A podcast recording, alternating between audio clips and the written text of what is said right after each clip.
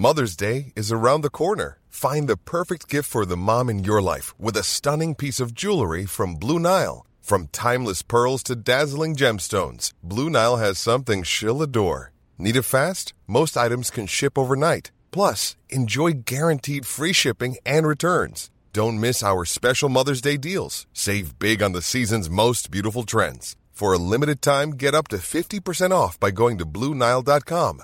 That's BlueNile.com. Hey, it's Paige DeSorbo from Giggly Squad. High quality fashion without the price tag? Say hello to Quince. I'm snagging high end essentials like cozy cashmere sweaters, sleek leather jackets, fine jewelry, and so much more. With Quince being 50 to 80% less than similar brands. And they partner with factories that prioritize safe, ethical, and responsible manufacturing. I love that. Luxury quality within reach. Go to quince.com slash style to get free shipping and 365 day returns on your next order. Quince.com slash style. Vi ska idag prata om Knutby. Eftersnacket efter HBO-dokumentären eh, med ingen mindre än Dick Sundevall, svensk journalist, författare och samhällsdebattör. Han är även chefredaktör för det nätbaserade kriminal och rättsmagasinet Paragraf. Jag hade fått ett sms där det stod att dräpa har sin tid. Gör jag det här så bevisar jag också att jag tillhör Gud. Det handlar om ett av de mest bisarra kriminalfallen i Sverige i modern tid. En härva av religion, sex och ond bråd död. Hon har utfört gärningarna på uppdrag av en person. Hej Dick! Hej Dick! Det kan vara några eh, glada pappor som lyssnar också som har läst din eh, Du ska bli pappa-bok. Det måste, tycker jag vi inte ska, det måste vi nämna Dick. Ja, de är upp mot 100 000. Ja. Då är det säkert några som lyssnar. Och mammor också. Ja, den, var, den hade jag. Mm. Eh, men då ska vi börja- börja med liksom den raka frågan egentligen. Vad har du för relation till Knutby? Ja, jag skrev och rapporterade ingenting när det här var högaktuellt. Alltså det är ingen idé när de stora drakarna och SVT och Sveriges Radio skickar tre, fyra, fem journalister. Utan jag kom in i det här eh, ungefär ja, 2014 var det. Då jag blev kontaktad av Rigmor Robert som jag hade haft lite kontakt med tidigare och hon i sin tur har jag haft mycket kontakt med avhoppare från Knutbysekten. Just det, hon är psykolog, eller hur? Ja, hon är läkare och psykoanalytiker och har väl hjälpt helt enkelt till att avprogrammera dem. Jag vet, hon använder det ordet, men jag använder det. Ja. Och hade en hel del information och via henne fick jag kontakt med personer som sa att det var fler inblandade den där natten. Det var lite luddigt och så började jag läsa på. Och så insåg jag ganska snabbt att Sara, det skjuts fem skott den där natten i Knutby och Sara kan inte riktigt redogöra för fyra av dem så att det stämmer med obduktionsprotokoll och brottsplatsundersökningar och då började jag fördjupa mig i det. Har du också sett dokumentären som HBO sänder nu? Ja, Och jag har vad, sett den. ja, vad tycker du? Eh, jag tycker den var bra. Jag tycker de där killarna gör bra ifrån sig överhuvudtaget, det här spårgänget. Det var bra i meningen att visa vilken sekt det här är och, och, och vilken sluten sekt det är och vilken oerhörd makt Åsa Walda hade över par som var tvungna att flytta ifrån varandra fast de älskade varandra och så vidare.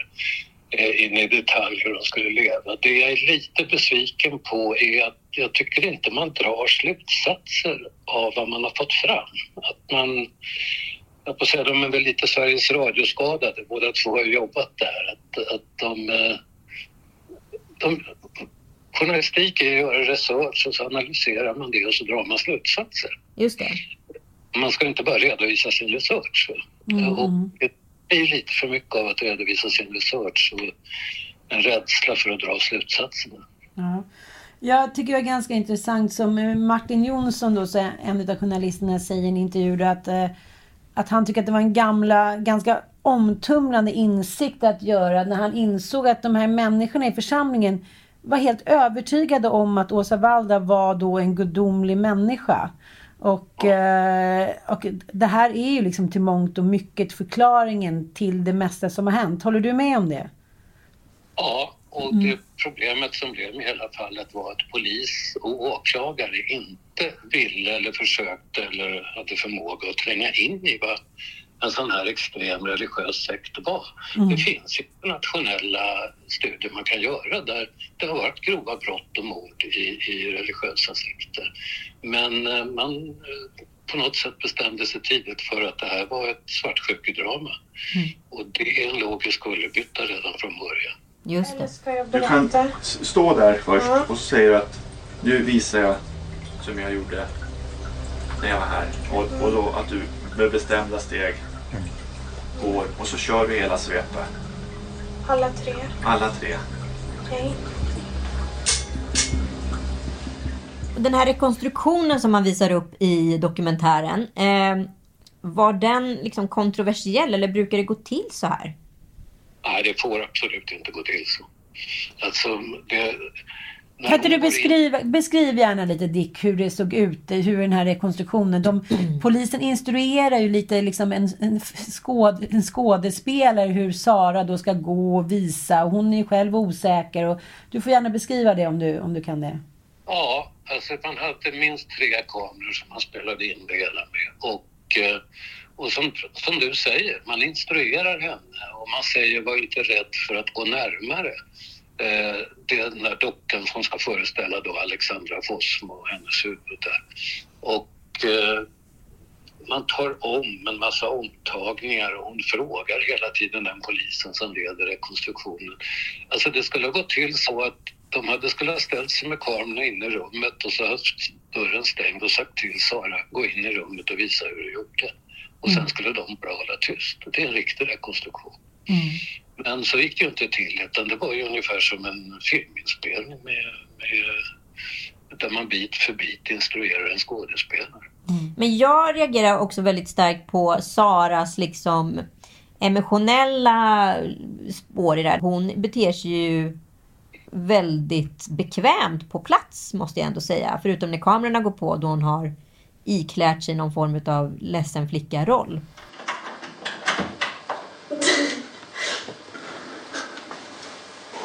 Du gjorde fel. Ja, alltså hon har ju...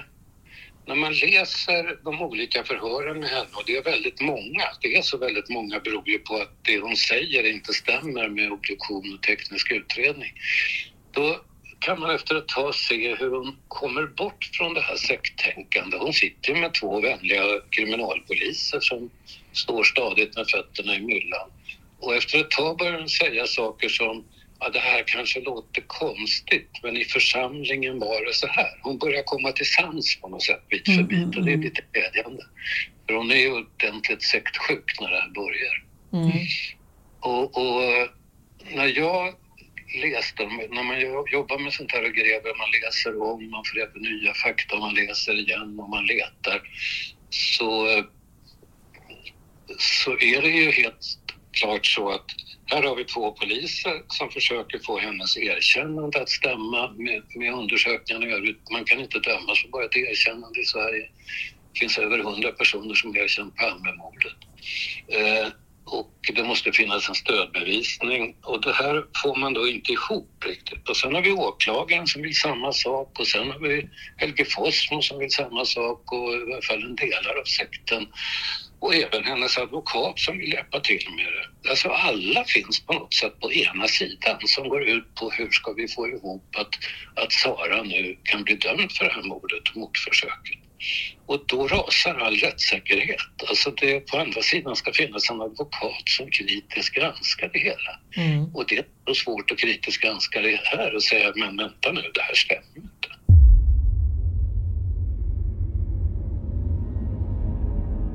Hur skulle du beskriva Sara? religiös. Som en som man kan förvänta sig har gått i bibelskola sedan hon var liten. Var ganska ensam. Och jag tror att hon ville väldigt väl.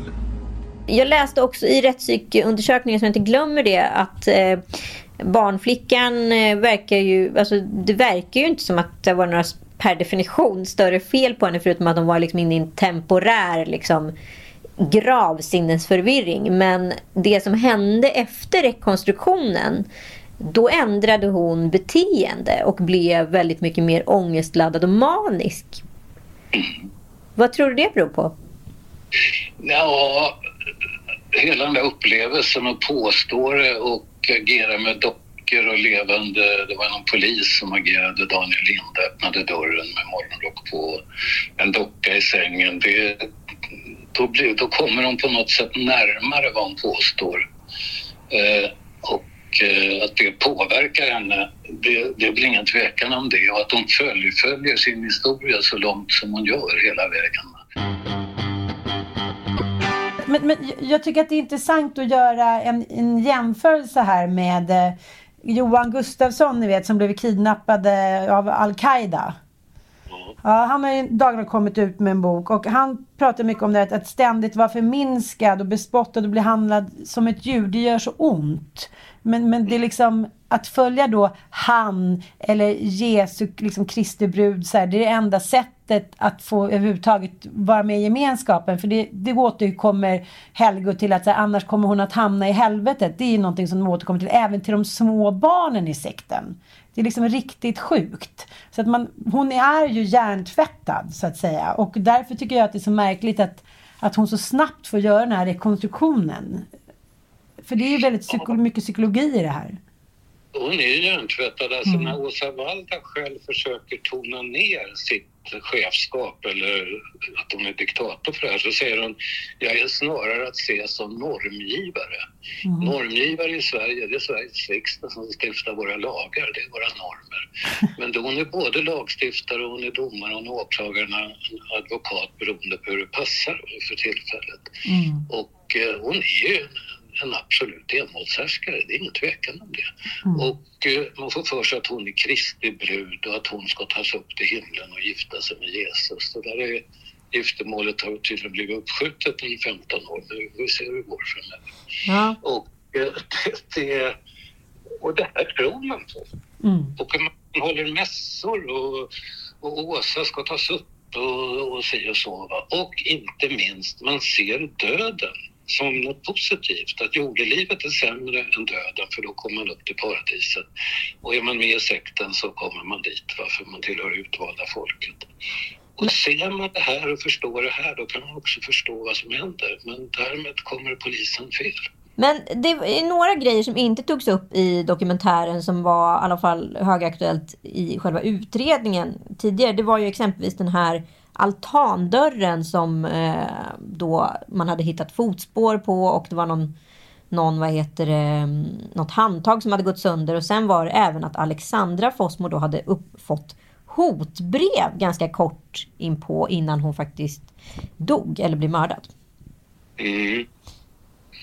Ja, det finns mycket sånt där olika detaljer men, men eh, det en väldigt sak som jag, jag, tycker de slarvade bort lite grann i dokumentären, det är mordförsöket mot Daniel Linde. Mm.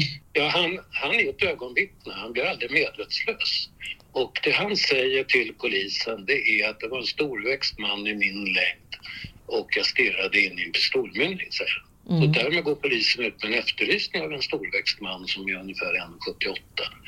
Och när så småningom Sara fastnar i en polisspärr så släpps hon snabbt iväg för hon är ju så långt ifrån den beskrivningen som man kan komma. Mm. Och eh, det här är... Och, men Saras historia och vid rekonstruktionen det är ju att hon står där utanför dörren maskerad och så håller hon den här stora hemmagjorda kudden framför eh, ljuddämparen. Jag är ju säker på att det aldrig har funnits någon sån här kudde tidigare. Därför att är tidiga förhör när de frågar henne, håller du revolvern med en, en eller tvåhandsfattning? Och eftersom att hon har tänkt fram och tillbaks ett senare förhör säger hon, nej men det var tvåhandsfattning. Man håller alltså om man är högerhänt så stödjer man handen genom att hålla vänster hand runt handleden. Just det.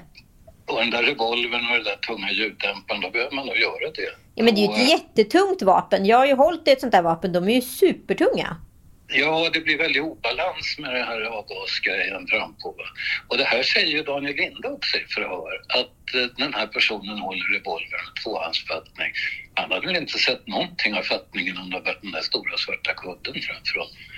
Men eh, Daniel säger ju inte att han tittar på något stort svart tyg. Det här stämmer ju inte. Va? Och eh, eh, hur han blir skjuten och så vidare. Det, det är fel. Och när jag jobbade med det här så ringde jag advokat Thomas Olsson som jag jobbat med Kvick och så sa jag om man tror att det är ett falskt erkännande Thomas, vad, vad ska man leta efter? Och då säger han, jag letar efter någonting som dyker upp efter veckor eller månader i förhören. Eh, och det fanns det, och det var den här kudden. Den fanns inte med de första två månadernas förhör överhuvudtaget. De frågar henne, håller du pistolen med en eller båda händerna? Ja, en sak kan vi vara överens om, hon har inte tre händer. Mm. Så att, och den där kudden finns i förhören helt plötsligt så, så börjar man prata om någon kudde. Och när hon sen ska redogöra för var hon har kastat saker, hon, är, hon har ett bra minne, hon är inte dum i huvudet och hon kan ange vissa saker väldigt Eh, exakt så polisen åka dit och hämta den. När hon ska förklara vad den där kudden är, som är den största enskilda saken hon ska kasta, då säger jag ja, någonstans i Östergötland kanske. Alltså när jag läser det här så kommer jag fram till att hon har bra minne, hon är intelligent, men hon är dålig på att ljuga. Och det mm. hedrar ju en människa i och för sig. Det är likadant hon får frågan, vad har du revolver när du åker till Knutby på natten? Ja, den där revolvern, tänk er att man sitter där, man är påverkad, man har en revolver man ska skjuta ihjäl två människor med. Man vet nog ganska exakt vad man har den i bilen, men det vet inte hon i förhören. Hon säger ja, kanske bak eller kanske på framsätet med en handduk över. Det där är inte, hon är dålig på att ljuga helt enkelt. Mm. Jag tror inte hon hade den överhuvudtaget med sig. Jag tror hon redan hade använts för att skjuta ihjäl Alexander.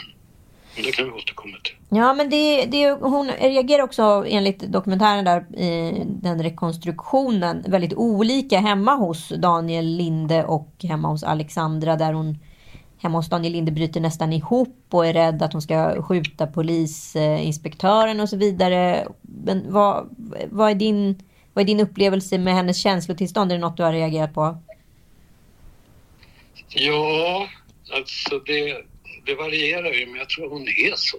Hon går upp och ner i känslor. Sen vet jag inte om hon har någon lugnande medicin i sig i samband med det där. Det är väl möjligt. Det är väl till och med troligt. Mm. Jag tycker hon har lite grann av den utstrålningen, men det är ingenting jag vet.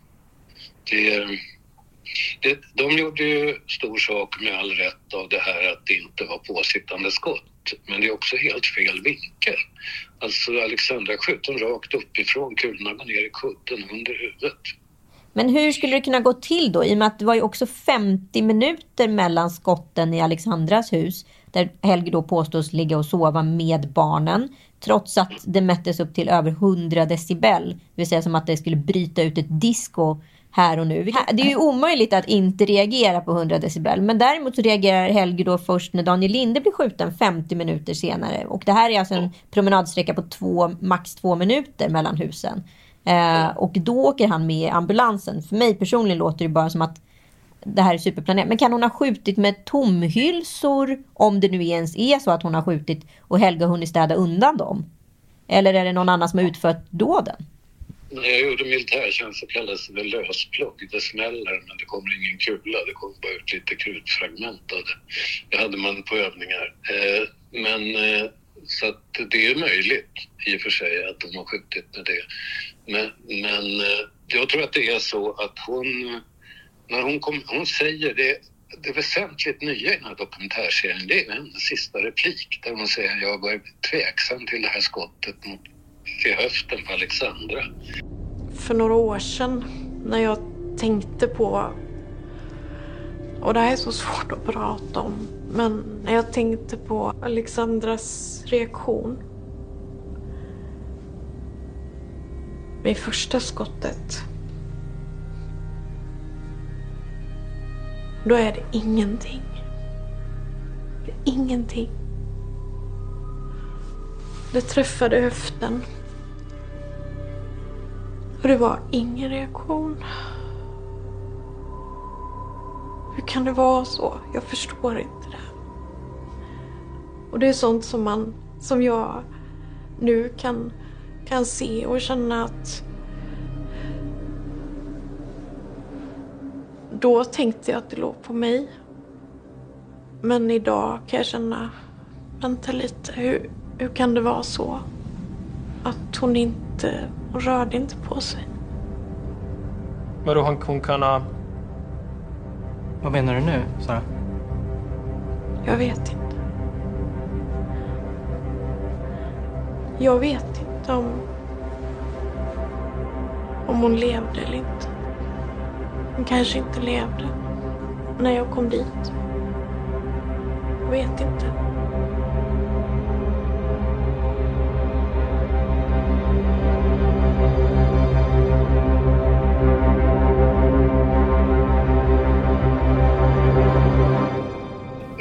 Någonting mer om det skottet. Det blöder inte från det skottet överhuvudtaget. Nej, just det. Så att nog var hon död. Sekten har ju sagt att de var i London när det här skedde. Finns det något bevis på det? Eller kan det vara någon som varit kvar? Ja, det är lite olika uppgifter om det där. Det är inte helt säkert att Åsa Walda var i London då, men, men det där har inte riktigt klarlagts. Nej. Eh, alltså jag trodde först när jag började titta på det här att det här måste vara någon inhyrd hitman. Jag har intervjuat en del mördare i mitt liv, varav bland annat en utfört beställningsmord. Och därför att det är så rått. Alltså du går upp, kvinnan ligger sovande i en säng. Det, hon ligger mitt i sängen så du måste nästan gå upp med ett knä eller stå upp i sängen för att kunna skjuta det där skottet rakt uppifrån. Jag, så, när jag höll på med det här så provade jag med våran 180 centimeter breda säng och jag har längre räckvidd än Sara och det skulle vara ganska svårt att skjuta rakt uppifrån om man inte åtminstone gick upp med ett knä i sängen. Men den här personen skjuter då två skott i huvudet på henne och så småningom går och knackar på på ett annat ställe och skjuter ett skott i huvudet och ett i bröstkorgen på Daniel eh, Linde heter han. Mm. Alltså det... Då pratade jag när jag på. Jag ringde några stycken som hade varit inne i kriminella gäng och hade skjutit. Och eh, alla sa samma sak. Det där måste vara en som har gjort det tidigare. Så det, och sen så pratade jag med kriminologer om hela det här scenariot. En kvinna införskaffar ett skjutvapen och så åker hon och skjuter två personer som hon inte har något känt agg till. Och hovrätten konstaterar ju också att hon har inget riktigt personligt motiv att göra det här. Eh, om det finns andra exempel på sådana fall och den ena efter den andra säger nej, finns det nog inte i hela Europa. Och då kan man säga ja, men det kan väl ändå vara undantaget som bekräftar regeln. Det finns väldigt få sådana undantag när det gäller grov kriminalitet. Alltså det, man kan nog dela in morden i Sverige i fyra, fem grupper. Svartsjukemord, eh, krimi, alltså kriminella gäng som har konkurrens om, om eh, knarkförsäljning eller knarkskulder, fyllemord och, och några till sådana här. Eh, otrohetsmord och grejer. Homofobimord finns också. Men det här, det, det finns inget liknande. Och eh, det, det är inget bevis i sig, men det är något väldigt ovanligt. Ja, men det, ja, får jag bara fråga, det finns väl inget tvivel om att, eh, att Sara har varit på de här ställena den här kvällen? Det finns det väl, råder väl inget tvivel om? Nej, det råder inget Nej, i och med att hon fastnade i polisspärren. Men den här, om vi då backar bandet lite och går tillbaka. Får jag säga en sak? Det stod den här, hela den här tiden mellan de olika skotten. Jag håller med dig. Jag gjorde en tidsaxel. Sen efter att Daniel Linde är skjuten till att hon fastnar i polisspärren. Där går också 15-20 minuter mer tid än vad det borde ha gjort. Jag provkörde den där sträckan. Det tar nio minuter till det stället hon stannade. Så det, är, det är något fel i, i tidsaxeln. Det är ingen tvekan om det. Det, det håller inte ihop med, med historien, den officiella sluthistorien. Men om vi då pratar om den här Farid Lamrani, alltså det vill säga den här eh, Ja, han var väl informatör för polisen också, men han var ju yrkeskriminell. Och det var utav honom hon köpte vapnet. Hur fick de kontakt? Var det genom de här smsen eller hur? Ja, efter vad man vet så var ju hon nere på Plattan i Stockholm och gick på folk om att köpa vapen. Först blev hon lurad på 10-15 tusen. Alltså, En kille jag intervjuade som har sålt en massa illegala vapen, han säger jag har nog förhindrat en väldig massa mord genom att jag har blåst det vanliga Svensson som vill köpa ett vapen. det, det är också ett sätt att se det. Ja med för pengar och han försvinner. Och sen så småningom då så träffar de på den här killen och det är inte ovanligt att de är informatörer och polisen och samtidigt genuint kriminella. Man har ju ofta att värva dem som kriminella. Och, eh, eh, och, och så provskjuter man och hon tycker det är väldigt otäckt och bryter nästan ihop. Och, men någon, om det är han eller någon annan som har lärt henne ett antal saker som bara avancerade kriminella vet. Dels att man kan använda en bit av, av en ljuddämpare som en bil eller som ljuddämpare, en del av avgassystemet som ljuddämpare.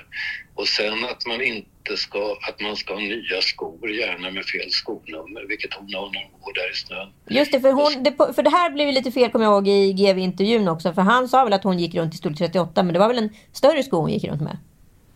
Ja, jag kommer inte ihåg, men det var större än hennes vanliga skonummer. Och därför att om vi har gått, ni eller jag har gått omkring ett par skor ett tag och sen så går man i nysnö, det blir nästan som ett fingeravtryck för, för det är Mm. olika begrepp i skorna.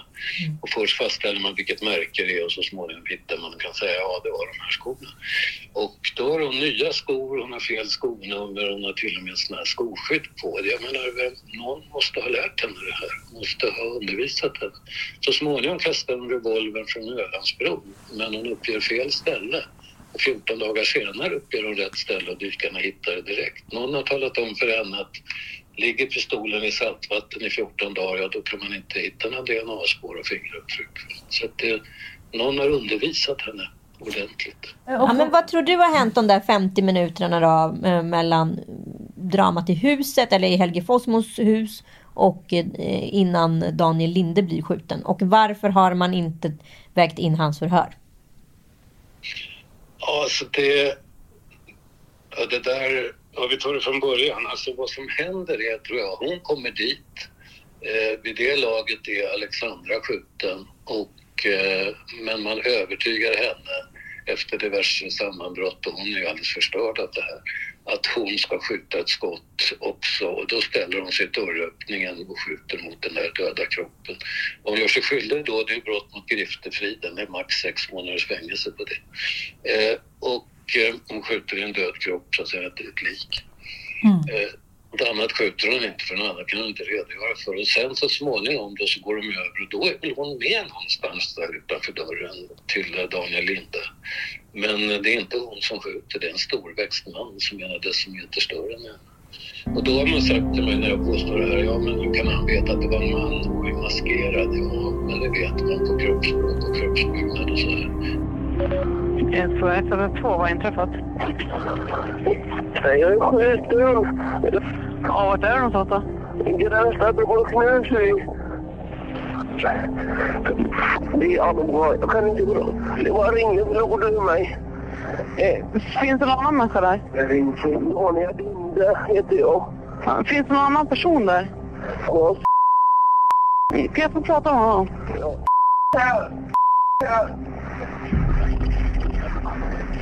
Hallå? Hallå ja? Vem är jag talar med? Det är SOS. Ja. Hur är det med din kompis? Jag vet inte. Jag kom precis in och jag hörde någonting. Eh, och det är blod i hela rummet här.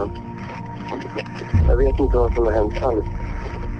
Eh, men vem är det som har gjort det? Har han gjort det själv eller någon annan som det? Jag vet inte alls. Jag har inte en aning. Såg du någonting Daniel? Ja. Något svart. Jävlar. Okej. En maskerad man. Män är ju generellt sämre vittnen i rättegångar. Vi är sämre på att komma ihåg detaljer än vad kvinnor är. Men det är en sak som män är väldigt bra på. Det är att bedöma andra mäns längd i förhållande till sig själva. Och det där, psykologer som säger att det där är väl någonting i svanskotan. Att vi, vi får i botten att det är viktigt för oss att kunna det. Eh, Men jag menar, en man säger han var klädd i något blått medan en kvinna säger han hade blåa jeans och svart skjorta och blå kavaj. Och det där vet alla advokater, åklagare och domare och rättsreportrar. Men, men eh, och, hans, och det här är viktigt, det han säger från början, det är, det är naturligtvis det han har upplevt. Det är ingen som har påverkat honom i det här läget. Sen börjar både polis och sekten i övrigt och andra få vill få honom till att förstå att det är Sara som har skjutit. Så efter någon vecka så säger han inte längre att det är en storväxtman utan då talar han om den här personen. När det så småningom kommer till rättegång då är det en kvinna som råkar ha på centimetern anger han den längden som, som Saras längd är. Och det här är ju så genomskinligt så att det är höjdlöst. Men det är ingen advokat som reagerar. Men, men tänker du då, eller ni som håller på med det här fallet vidare, att det var någon annan i Knutbysekten som hade utfört de här morden och sen då ville få då Sara som var ett, ett, någon man kunde offra då för att hon var... Ja, men framförallt så var hon ju avhyst. Ja, precis. Är det, är det så du tänker att det har gått till? Hon skulle, hon skulle få nåd inför Åsa och därmed Ja. inför Gud. Jesus. Och, så. och sen att hon har vidhållit den här historien, det kan ju vara fler skäl. Dels det här religiösa eh, förvirringen, men också att hon är rädd. Hon ju alla anledning att vara rädd. Och en annan som har skjutit det här, den är inte att leka med. Och sen, eh, tredje skäl kan vara att hon, hon vill inte ange någon annan sektsjuk stackare, utan hon tar det. Är det vanligt att eh, folk ljuger? Nej, men att man tar på sig någonting när andra har gjort, ja det mest kända är ju Kvickfallet naturligtvis. Eh, där han eh, fabulerar om en det ena än det andra mordet. Och eh, han har ju goda skäl till det. Han får alla droger han vill ha och eh, dessutom får han maximal uppmärksamhet för allt han påstår. Det är hans skäl till det. Eh, och det finns andra där någon har tagit på sig vad en bror eller syster har gjort och såna här saker. Men det är inte jättevanligt, det är det inte. Men, men det händer. Och eh, jag är övertygad om att, att Sara är ett sånt fall efter att ha gått igenom det hela. Det innebär i så fall att den här som har gjort det går omkring ute bland allmänheten än idag. För jag är ganska säker på att det inte är Helge Fosso som Just det. För Helge passade ju ändå dock på att eh, sticka ner till Daniel och åka med ambulansen. Men sen händer en ytterligare en konstig grej. Dagen efter han har blivit in, inplockad, då får han gå tillbaka till, hem till huset och sitta och jobba ett par timmar. Vad hinner man städa bort då, tänker jag? Herregud alltså. Ja. Det, det är så mycket som är konstigt i den här utredningen men som möjligtvis kan förklaras av att Uppsala är ändå en relativt stor stad men, men de har ju ingen, ingen väldigt avancerad kriminalavdelning. Men de bästa kriminalerna söker ju sig till Rikskriminalen och liknande eller större städer. Och, eh, och sen kan de ha en viss erfarenhet. De har erfarenhet av eh, ett, ett fyllo som har ett annat fyllo och de har erfarenhet av svartsjukemord och sånt där. Men, men eh, det här har de ingen erfarenhet av och hur de att det är förvirrat för dem är faktiskt inget konstigt. Det tycker jag man kan ursäkta. Det blir ju väldigt förvirrat va? från början till slut. Och deras högsta chef, han råkar... Det här är ju så stort för Uppsala polisen så det är klart att det hela tiden rapporteras till högsta länspolismästaren och kriminalchefen och så vidare och eh, det, det går order uppifrån. Och, och den högsta chefen råkar heta Göran Lindberg, även känd som Kapten Klänning. Senare. En ny dimension på det hela också. Ja. Ja, det, vi kollade upp honom och sa, är han, kan man förklara konstigheterna med hjälp av honom? Ja, det visade sig att han inte var med i Svenska statskyrkan men att han i deklaration gjorde avdrag för att han hade gett till pengar till något frikyrkligt. Men längre än så kom vi inte. Jag talade Är det sant? Det här är ju sensationellt. Ja. Men, för då, då tänker jag ju också direkt på liksom jag satt och läste Helges blogg här som han hade 2006. Eh, där får han ju, svarar han ju då på öppna frågor som han påstår. Då var det ju en som då mm, frågar honom om hans ganska grova porrkonsumtion. Och det här ser man ju också i tecken liksom med kopplat till Arboga kvinnan, eh, mycket sex och även Bobbys eh, pappa. Att det finns liksom en slags skadligt stor porrinramning och kopplat då till Göran Lindberg också. Vad är det här? Jag vet inte, men jag vet ju att sex, eh, Helge Fossmo var mer eller mindre sexuellt besatt. Han, han liksom, hustrurna röjde sig vägen för han kunde ju inte skilja sig som pastor. Och eh, vid det här tillfället när det här sker så har han alltså dels en väldigt attraktiv kvinna han är gift med. Alltså alla bilder av henne som framkommer är att oj, vilken tjej ungefär, tänker jag som karl. Mm. Jättesnygg. Way over his League, om man säger så. Och sen så, eh, så håller han på med Sara då och den här unga eh, tjejen eh, och har, hon, så småningom sover de i samma säng och så har han, prasslar han med eh, Daniel Lindes hustru, Anette Linde. De två bor inte ihop längre men är gifta. Och sen tillfredsställer han ibland Åsa Wallner med fingrarna. Och när jag pratar med honom i telefon så säger jag, och jag efteråt tänker jag det var både lite grabbigt och sexistiskt. Jag sa, men du måste ha haft ganska körigt, hörru du, mycket att göra. Och då svarade han, ja, jag hamnade på sjukhus. Va? Det, att, att han var sexuellt fixerad och att det väldigt mycket cirklade runt sex, det var ju tveklöst. Ja, för alltså det som var anledningen varför Sara var inlåst i Helges sovrum i sex månader, det gick ju ut på att hon skulle då bota djävulen genom att ha sex med Helge tre gånger per dag, som jag har förstått det. Ja. Du har suttit 17 år i fängelse. Du har gått med på att medverka i vår serie för att du säger att sanningen inte har kommit fram. Varför väljer man att ta 17 år istället för att berätta sanningen? Dels så var ju jag naiv och tänkte att det är klart man inte kan bli dömd för någonting man inte har gjort. Jag är inte anstiftare så det är klart man inte kan döma mig för det. Jag trodde, som väldigt många gemene svenskar gör, att i Sverige blir man inte felaktigt dömd. I andra länder kanske, men inte i Sverige.